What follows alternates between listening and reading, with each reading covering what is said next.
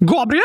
Ja, Oskar, i slutet av förra avsnittet sa du att vi hade fått ett förslag på en julsång! Just det, det var Malte 100 000, egentligen 11 år, som skickade in bagarens julsång.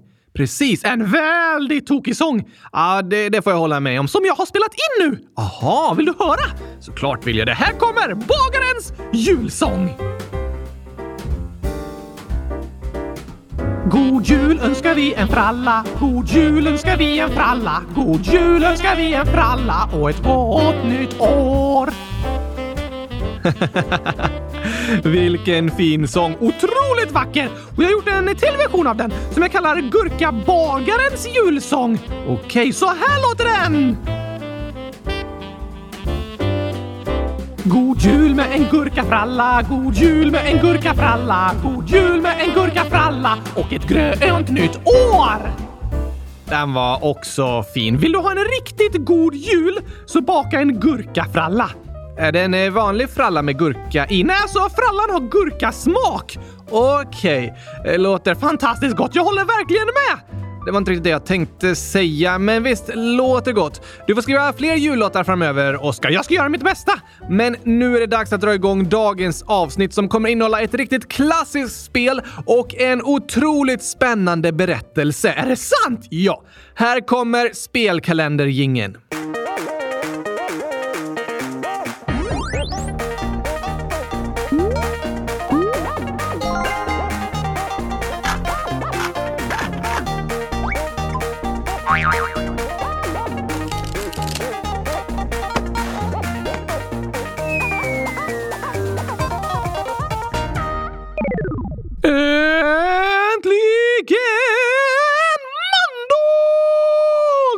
Och äntligen tredje avsnittet i spelkalendern. Den femte december! Precis. Eftersom vi släpper avsnitt varannan dag kommer det tredje avsnittet på den femte december. Ja tack! Hittills har vi pratat om världens första spel och världens största digitala spel. I alla fall det som sålt i flest exemplar. Kungaspelet från Ur och Minecraft. Precis. Och idag ska vi fortsätta prata om ett av världens äldsta och största spel. Schack. Schack! Yes, har det fått många röster? Ja, det är med i toppen av vår omröstning om spel. På vår hemsida www.kylskåpsradion.se kan du gå in och rösta på vilket spel du tycker att vi ska prata om. Gör det! Men främst kommer vi fokusera dagens avsnitt på en otroligt spännande berättelse om schack, nämligen en match som förändrade världshistorien. Åh, ja, ja, ja, ja! Det har skett eh, många historiska schackmatcher genom historien, men den här är något alldeles extra. Men vi börjar med lite bakgrund. Låter bra. Var kommer schack ifrån? Schack har troligen sitt ursprung i Indien på 500-talet. Aha! Och nådde Europa via Persien. Vad betyder det? Ordet schack kommer från det persiska ordet för kung som är shah. För det har med kungen att göra. Precis. Schack spelas ju på ett bräde med 64 rutor. Varje spelare har 16 pjäser var. Av dem är 8 bönder, två torn, två springare som ser ut som hästar, två löpare, en dam och en kung. Kan de olika pjäserna gå på olika sätt? Ja, precis. De skiljer sig åt i sina funktioner. Och spelet går ut på att slå ut den andra personens kung samtidigt som du skyddar din egen. Och på vägen dit slår du ut den andra spelarens pjäser. Så om du hoppar till samma ruta där en motståndare står så försvinner den pjäsen från brädet. Ja, så funkar det. Så du försöker slå ut din motståndares pjäser så att den inte längre kan skydda sin kung. Och när det inte finns något möjligt drag kvar, då är din motspelare så kallat schackmatt. Helt matt! Precis. Är det alltid en spelare som vinner? Nej, det kan bli oavgjort också. Det kallas för remi. Antingen blir det när en spelare inte kan göra något drag fastän kungen inte är hotad, eller för att båda spelarna kommer överens om att matchen är oavgjord och så avslutar de med matchen. Varför skulle de vilja göra det? Till exempel om de märker att ingen kommer kunna vinna den här matchen utan de kommer bara fly undan från varandra resten av partiet. Okej, okay. på tal om det. Vilket är det längsta schackpartiet som någonsin spelats? Det var ett parti mellan Ivan Nikolic och Goran Arsovic. Det höll på i 269 drag, vilket var över 20 timmar. Ett 20 timmar långt schackparti! Ja, då var båda spelarna helt matt sen. Ja, men ingen blev schackmatt utan det slutade oavgjort, så de har kämpat i 20 timmar helt i onödan. Inte i onödan kanske, men mm, ja, lite tråkigt att det inte blev någon vinnare när de höll på så länge. Ofta blir de långa matcherna oavgjorda. Vilken är den kortaste schackmatchen? Det finns något som kallas tokmatt eller fool's mate. Det är en strategi där du kan sätta schackmatt på bara två drag. Va? Det kan ske om vit hoppar fram med två bönder i sina två första drag, medan svart hoppar fram med en bonde och sen flyttar ut drottningen så att den kan nå den vita kungen. Då är den vita kungen instängd bland de andra pjäserna och kan inte komma undan. Därför vinner svart på bara två drag. Är det vanligt? Ja, alltså en del nybörjare kan råka bli slagna på två drag av en erfaren schackspelare. Men proffsen öppnar aldrig parti på det sättet, så de går inte att slå genom tokmatt så enkelt. Nähä. Har schack alltid haft samma regler? Inte sedan 500-talet. De nuvarande reglerna kom till i Spanien på 1400-talet. Okej! Är det ett väldigt internationellt spel? Verkligen. Nästan var som helst du reser på jorden kan du hitta någon som spelar schack. Det är det som jag tycker är väldigt roligt med internationella spel. Vad menar du? Till exempel om jag skulle resa till eh, Uzbekistan och så kan jag inte prata med någon jag träffar där, men vi kan ändå spela ett parti schack mot varandra, för vi båda känner till reglerna och kan ha kul tillsammans utan att ens kunna kommunicera. Det har du rätt i! Det är likadant med globala sporter som till exempel fotboll. Sport och spel kan föra samman människor som inte ens pratar samma språk. Det är häftigt. Det tycker jag är helt fantastiskt. Men finns det VM i schack? Absolut. Det är ju ett av världens största spel och det finns miljontals spelare över hela jorden. Idag är det många som spelar online mot människor i andra länder och sådär. Smart, eller hur? Du behöver inte längre sitta vid ett bräde utan du kan spela tillsammans med massor av olika människor hemifrån. Och det har funnits officiella schackvärldsmästare sedan 1800-talet. Vem är världsmästare idag? Det är Magnus Carlsen från Norge. Han är en riktig super och brukar kallas för schackets Mozart. Han har varit världsmästare sedan år 2013. Wow! Han är född år 1990 och började spela schack när han var sex år gammal och började gilla det riktigt mycket från att han var åtta år. Det är inte så gammalt. Nej. Men även barn kan ju bli superduktiga på spel. Jag är övertygad om att det finns många spel som ni lyssnare brukar vinna över era föräldrar på. Särskilt digitala spel. Ja, där har de vuxna inte en chans. Så det finns inga åldersgränser för när en kan bli duktig på ett spel. Det handlar ju om talang och träning. Hur gick det för Magnus Carlsen då? Det gick spikrakt uppåt. När han var 13 år gammal blev han snabbt en världskändis när han i en turnering i blixtschack vann mot den forne världsmästaren Anatolij Karpov. What? Och han spelade remi, alltså oavgjort, mot den dåvarande världsmästaren och världsettan Garry Kasparov när han var 13 år! Ja, är blixtschack när jag spelar schack under ett åskoväder? Nej då. Det handlar om att det går blixtsnabbt. Schack går väl inte snabbt? Jo, det finns olika spelformer. I tävlingssammanhang så finns en klocka som tickar ner när du tänker och i olika partier har du olika lång tid på dig att tänka. Aha! I blixtschack har du högst 10 minuter på dig att tänka. Mellan varje drag? Nej, totalt. Så när det är din tur börjar din klocka ticka ner och när du har gjort ditt drag så slår du på klockan och så går turen över till din motståndare och dens klocka börjar ticka ner. Ah! Är det därför schackspelarna slår på en maskin bredvid brädet när de spelar? Ja, precis. Och om du då under ditt första drag tänker i 20 sekunder så fortsätter ju klockan på 9.40 nästa gång det blir din tur. Och du kan vinna i blixtschack antingen genom att din motståndare blir schackmatt eller genom att dens tid tar slut. Okej! Okay. Och som 13-åring hade Magnus Carlsen spelat lika mot världsmästaren och han blev den näst yngste stormästaren någonsin. Stormästare? Ja, det är en titel som delas ut av Världsschackförbundet. En titel du kan få när du är en riktigt duktig schackspelare. Ah! Det är den näst finaste titeln en schackspelare kan få näst efter världsmästare. Och Magnus blev stormästare när han var 13 år! Ja, och år 2009 blev han den yngste schackspelaren någonsin att få en rating över 2800 poäng. Vad är det? Det handlar om hur många poäng du samlar in i internationella tävlingar. Ja, som en rankinglista! Precis. Och år 2010 blev Magnus Carlsen den yngsta någonsin att bli ratad överst på den officiella ratinglistan i schack. Coolt! Är schack-VM som ett stort mästerskap? Eller hur funkar det? Det är lite speciellt. Det hålls en kandidatturnering som världens bästa schackspelare kvalar in till och vinnaren av den kandidatturneringen får sen utmana världsmästaren i en match. Okej! Okay. Så Magnus Carlsen till exempel vann kandidatturneringen i april 2013 och fick då möta den dåvarande världsmästaren Viswanathan Anand från Indien. Matchen spelades i Indien, men Carlsen var i superform och vann överlägset utan att förlora ett enda parti. Spelas det flera partier i en match? Ja, det är flera partier mellan de två spelarna och några av dem blev oavgjorda, men Carlsen vann den mest överlägsna segern i VM-schackens 103-åriga historia. Och sedan dess har han varit världsmästare. Har andra utmanat honom då? Ja, precis. År 2014 vann till exempel Anand kandidatturneringen och fick utmana Carlsen, men norrmannen vann igen och behöll sin världsmästartitel. Och han har hittills vunnit mot alla som har utmanat honom. Imponerande! det får man säga. Och i Sverige och Norge är inte schack superpopulärt som tävlingsform. Så här är inte Magnus Carlsen sådär superkänd, men ofta ses han som den kändaste norrmannen i resten av världen. För det är miljontals människor som följer schackmästerskapen noggrant och har Carlsen som sin stora idol. Aha! Har du fler fun facts om schack? Visst. Trots att varje schackparti börjar på samma sätt så finns det ett näst intill oändligt antal spelmöjligheter. Finns det hundratusen olika sätt att spela på? Nej då. Många fler än så. Fler än hundratusen? Långt många fler. Efter att båda spelarna har gjort varsitt drag kan pjäserna stå på 400 olika sätt. Oj då!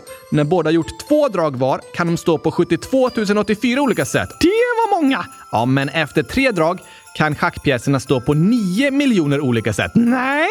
Och efter de gjort fyra drag var kan pjäserna stå på 318 miljarder olika sätt. Du skojar? Nej, det finns nästintill oändligt många olika varianter av ett schackparti. I ett 40-dragsparti finns det fler möjliga sekvenser än det finns atomer i hela det kända universum. What?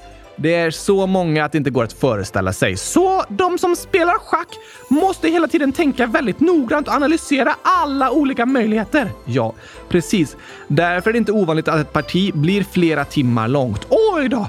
Och det finns ju en schackpjäs som är liksom mäktigare än alla andra. Den kan röra sig på flest sätt. Vilken då? Drottningen. Ja, just det. Och som jag berättade så etablerades de nuvarande schackreglerna i Spanien på 1400-talet. Då var drottningen fortfarande en ganska svag schackpjäs som bara kunde röra sig ett steg i taget som kungen. Men den spanska drottningen Isabella var i slutet av 1400-talet den mäktigaste kvinnan i Europa. Hon återerövrade Spanien och skickade Columbus till Amerika och baserat på henne introducerades drottningen i schack som den mäktigaste spelpjäsen av dem alla. Aha! Och sen dess har reglerna för schack varit detsamma. Men som jag sa kommer ordet schack från persiska och schackmatt är från början de persiska orden shamat, vilket betyder kungen är död. Logiskt, eller hur? Shamat. Och en lite tokig historia är att det första ihopfällbara schackbrädet uppfanns av en präst år 1125. Skulle han resa bort och ville ha med sig det? Nej, utan kyrkan förbjöd på den tiden prästerna från att spela schack. Men han tyckte så mycket om det, så han ville göra det i hemlighet. Därför byggde han ett ihopfällbart schackbräde som han ställde i bokhyllan när han inte spelade. Så då såg det ut som två böcker. Vad smart! Eller hur? Genom historien har människor med stor makt i samhället infört många konstiga förbud. Verkligen. Det är såklart inget farligt med att spela schack. Det är snarare superbra hjärngympa och en träning att tänka logiskt och strategiskt. Ja, tack! Och ett exempel på hur duktiga schackmästarna är, är att många kan spela så kallat blindschack. Vad är det? Det är när du spelar schack utan ett bräde eller utan att se brädet. Va? Ja, du får det berättat för dig hur pjäserna flyttas, till exempel G4 eller E5. Har raderna och kolumnerna särskilda namn? Ja, precis. Så varje ruta på schackbrädet symboliseras av en bokstav med en efterföljande siffra. Jag flyttar kungen till eh, G100 000! Eh, det finns inte. Nej, just det. Och i så kallat blindschack så får spelarna höra varje drag, men måste för sig själva se spelbrädet framför sig. Så de måste komma ihåg hur alla pjäserna står utan att få se dem. Ja. Och ett otroligt imponerande rekord sattes år 1960 i Budapest av ungerska schackspelaren Janos Flesch. Han hade en ögonbindel och spelade 52 schackpartier samtidigt och vann 31 av dem. Nej! Kom han ihåg 50 schackmatcher på en och samma gång i hjärnan utan att få kolla på schackbrädorna? Ja. Helt makalöst. Schackspelare har verkligen skills. Det får jag säga. Vet du någon annan som har skills? Eh, nej, jag! Aha, ja tack! När jag skrev om texten på Nu tändas tusen juleljus på ett så fantastiskt klurifaxigt roligt sätt. ja, eh, det är verkligen ett exempel på dina skills, Oskar. Här kommer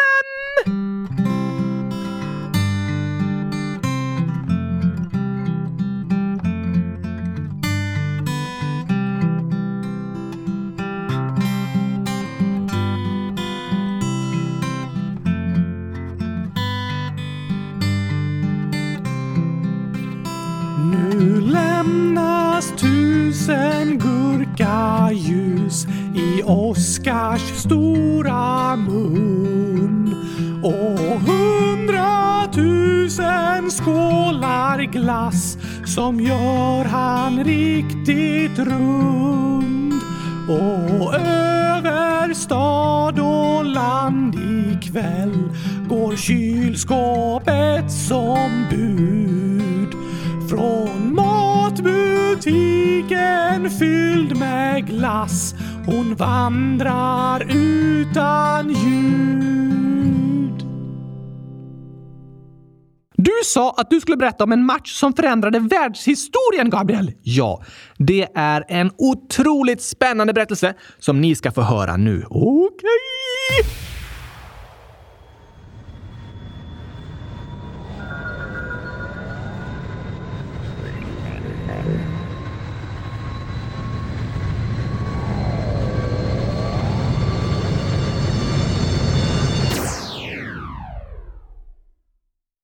Vi börjar vår berättelse i början av 1980-talet. IBM hade då börjat sälja världens första persondator. En laptop? Nej, nej, nej, inte en bärbar dator. Det var en stor, tung klump med en tjock skärm kopplad till sig.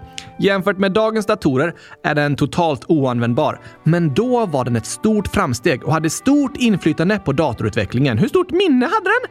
Standardramminnet var 16 kilobyte. Kilobyte? Japp. Om du jämför med datorn som vi spelar in det här avsnittet på idag så har den 16 gigabyte RAM-minne, alltså ungefär en miljon gånger större minne än den IBM-datorn Acorn från 1981. Oj då! Det är stor skillnad. Men ändå kostade den runt 50 000 kronor när den släpptes om vi räknar om till dagens värde. Och det var en tid när datorerna utvecklades väldigt snabbt och började ta en större och större roll i samhället. Men det var fortfarande en lång väg kvar. Ja, absolut. Men det fanns en stor tro på vad datorerna skulle kunna göra i framtiden. Och på Carnegie Mellon University var det en grupp forskare som började utveckla en ny superdator med målet att den skulle lyckas vinna över världsmästaren i schack. Va? Den började utvecklas år 1985 och projektet togs över av datorföretaget IBM och så småningom fick superdatorn namnet Deep Blue. Låter coolt! Ja, visst gör det. Hade den armar så den kunde flytta spelpjäserna som en robot? Nej då. Datorn var bara en stor fyrkantig klump. Ser nästan ut som två små skyskrapor som står bredvid varandra. Men de gav liksom datorn information om hur pjäserna flyttades och så kom den fram till ett drag. Ah, ungefär som att spela mot en dator idag. Ja, precis. Hur gick det då? År 1996 ägde den första schackmatchen rum mellan datorn Deep Blue och världsmästaren och en av tidernas allra största schackspelare, Garry Kasparov. Vem är det? Han var på sin tid den yngsta schackvärldsmästaren någonsin och nådde den högsta rankingpoängen någonsin. Det är ju dock två rekord som Magnus Carlsen nu har slagit, men Kasparov har varit tränare åt Carlsen. Aha! Kasparov kommer från Ryssland och är idag känd som en stor Putin-kritiker och politisk aktivist. Oj då! Men år 1996 så var det för första gången dags för en superdator att utmana schackvärldsmästaren. Det var en monumentalt viktig match som följdes av människor över hela jorden. Såväl schackspelare som forskare, vetenskapspersoner, experter och allmänheten. Skulle en maskin kunna vinna över världens duktigaste schackspelare. Det hade varit ett tecken på att datorerna gått om människors intelligens. Ja, på sätt och vis. Hur gick det då? Redan i första partiet hamnade Kasparov i problem och tvingades ge upp efter 37 drag mot Deep Blue. Oj då! Det var ett historiskt schackparti, för det var första gången en schackvärldsmästare förlorat ett parti mot en dator. Men matchen var inte slut där. Kasparov hade stor press på sina axlar som representant för hela mänsklighetens intellekt, men han lyckades leverera och vann det andra partiet efter 73 drag. Wow! Både tredje och fjärde omgången blev oavgjord och i femte omgången så erbjöd Kasparov ett oavgjort resultat, men Deep Blue tackade nej, vilket var ett stort misstag, för Kasparov tog över partiet och vann. En omgång kvar! Ja, det stod 3-2 till Kasparov inför det sista schackpartiet och då visade han varför han var världshistoriens dittills högst rankade schackspelare och besegrade Deep Blue på 43 drag och vann därmed matchen med 4-2. Woho! Människan vann över maskinen! Ja, men skaparna av Deep Blue gick tillbaka till sitt forskningslabb och fortsatte utveckla datorn. Och ett år senare var det dags för en returmatch. Hade Deep Blue blivit ännu bättre då? Ja, det är det som är det speciella med datorer och teknik, att de kan utvecklas och förbättras väldigt fort. Det går inte att programmera om den mänskliga hjärnan i samma takt. Nej, det gör det ju inte. Så år 1997 var det dags för en ny match mellan Kasparov och Deep Blue. Och det skulle visa sig bli en match som för alltid förändrade historien. Va? I första partiet började Kasparov starkt och pressade Deep Blue så långt att datorn inte kunde komma på något drag och mer eller mindre kollapsade. Oj, oj, oj! Inte enkelt att möta världens bästa schackspelare. Nej, Men Deep Blue kom tillbaka och vann det omdiskuterade andra partiet då Kasparov trodde att datorteamet fuskade. Men det var en anklagelse som han många år senare drog tillbaka. Så 1-1! Ja, och i det tredje partiet tänkte Kasparov chocka datorn genom att göra ett första drag som ingen någonsin gör och på det sättet försöka få datorn att tappa bort sig bland sina förprogrammerade alternativ. Smart! Men eh, det ledde inte fram till mer än oavgjort. Han gjorde dock likadant i fjärde partiet som också slutade oavgjort, vilket även det femte partiet gjorde. Så det stod lika inför sista omgången. Ja. Båda hade två och ett halvt poäng och nu skulle allt avgöras. Människan mot maskinen i en sista omgång. Skulle datorn gå om människan en gång för alla? Eller skulle Kasparov hålla ut? Hur gick det då? Finalpartiet chockade både Kasparov och världen.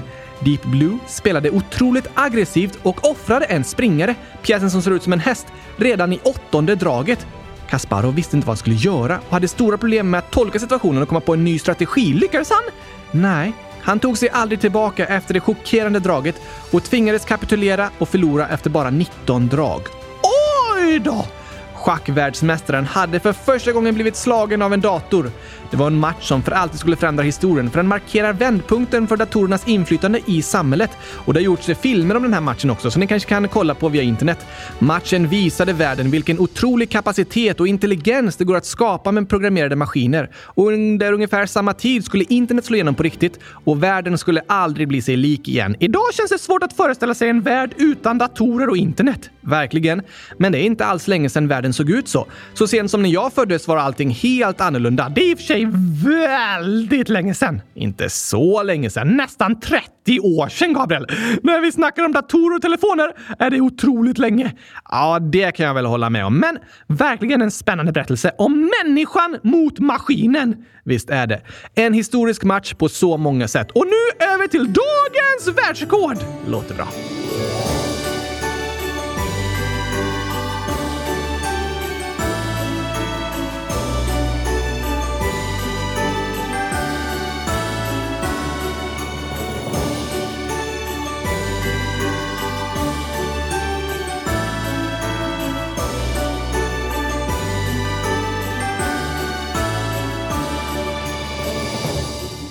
Vilket världsrekord har du hittat idag, Gabriel? Jo, vi pratade ju om Deep Blue, superdatorn som var den första att besegra en schackvärldsmästare. Ja tack!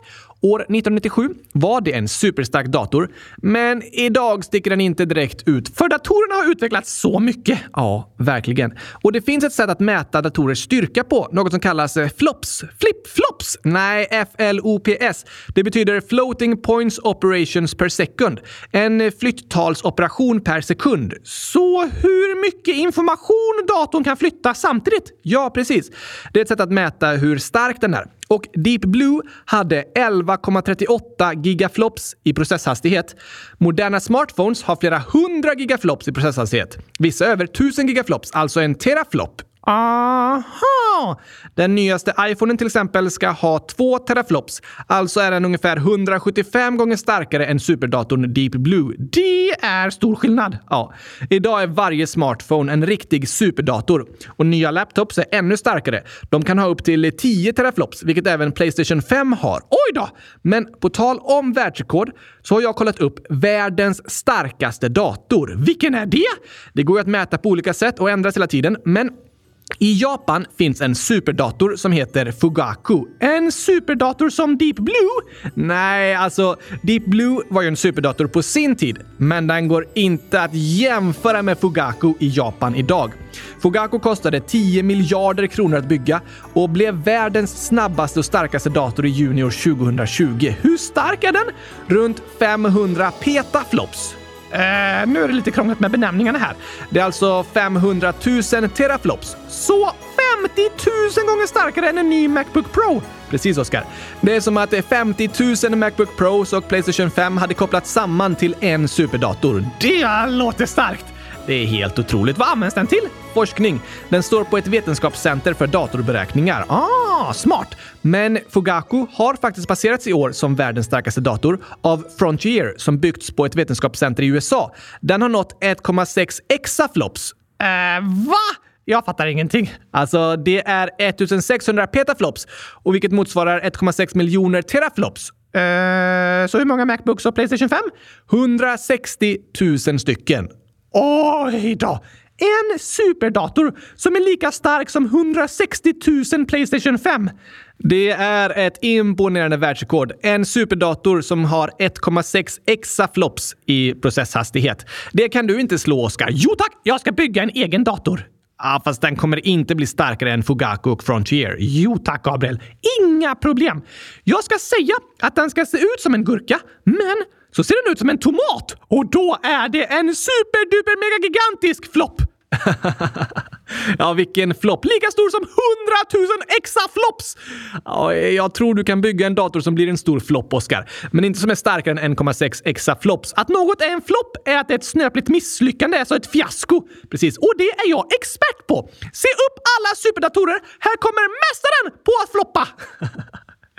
Ja, det, det, var imponerande, Oscar. Nu ska du få se nästa stora flopp när jag svarar fel på dagens gåta.